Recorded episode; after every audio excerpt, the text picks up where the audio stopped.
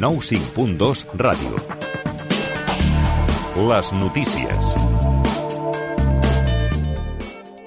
A mitjans de juny, les dades epidemiològiques eren força positives. Semblava que els centres d'atenció primària podrien recuperar l'agenda d'abans de la pandèmia, però les últimes setmanes la situació ha empitjorat. S'ha passat dels 6 o 7 casos positius de coronavirus diaris als 56 actuals que registren els CAP que gestiona Mútua a la ciutat. Ho explica el director del CAP Rambla, Josep Maria Mercader. I hem tornat a augmentar considerablement el nombre de casos positius i el percentatge de positius respecte a les proves que fem. És veritat que eh, a nivell hospitalari de moment això no s'està notant tant com als centres d'atenció primària perquè el perfil de població que està siguent positiva és sobretot en, en població jove la pressió sobre l'atenció primària s'ha més que duplicat i el virus continua circulant. Si augmenten els casos, també augmenta la probabilitat que alguns siguin greus o persistents i, per tant, augmentaran els ingressos hospitalaris si no s'aturen les cadenes de transmissió.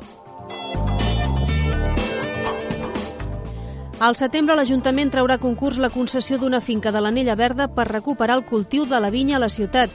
Es tracta d'1,6 hectàrees darrere la residència de mossèn Oms, on ja s'ha preparat el terreny, amb capacitat per cultivar-hi 4.500 ceps, un 10% dels quals en cultiu experimental per recuperar el terrassenc, denominació de la varietat local.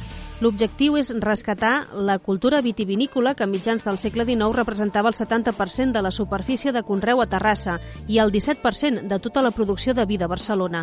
Un impuls per la memòria, la història i el patrimoni agrícola i que la producció de vi esdevingui una activitat econòmica més de l'anella verda. Ho explica el regidor de Medi Ambient, Carles Caballero.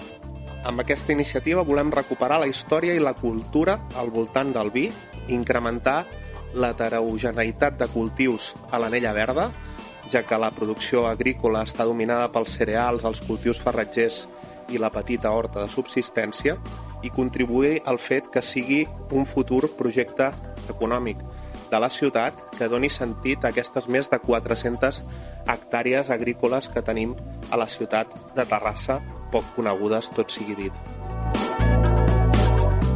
L'Ajuntament fa una crida a les xarxes perquè es facin arribar les geolocalitzacions de les restes de ceps que puguin haver-hi pels boscos de l'entorn. El consistori calcula que després de 50 anys a Terrassa es podrà tornar a veure vida producció 100% local. El govern va aprovar divendres el Pla de Millora Urbana de l'àmbit delimitat pels carrers Valdric, Torres i Bages i la carretera de Rubí. Es tracta d'una superfície de més de 5.000 metres quadrats on ara hi ha fàbriques sense activitat i que passarà a ser residencial. La transformació urbanística projectada anys enrere és d'iniciativa privada. La Sareb, en tant que propietari majoritari, serà qui tirarà endavant la promoció. Ara s'obre un període d'exposició pública abans que s'aprovi definitivament. El projecte contempla fer-hi 79 habitatges en edificis edificis d'un màxim de 4 plantes. Entre tots ocuparan el 95% dels 7.700 metres quadrats de sostre total. El 5% restant serà per a comerços i oficines. La reurbanització de la zona inclou més de 2.000 metres quadrats d'espais públics amb una nova plaça just davant de l'arxiu comarcal que facilitarà l'entrada al Parc de Vallparadís. Acabem aquí més informació en propers butlletins horaris. Les notícies al 95.2 FM.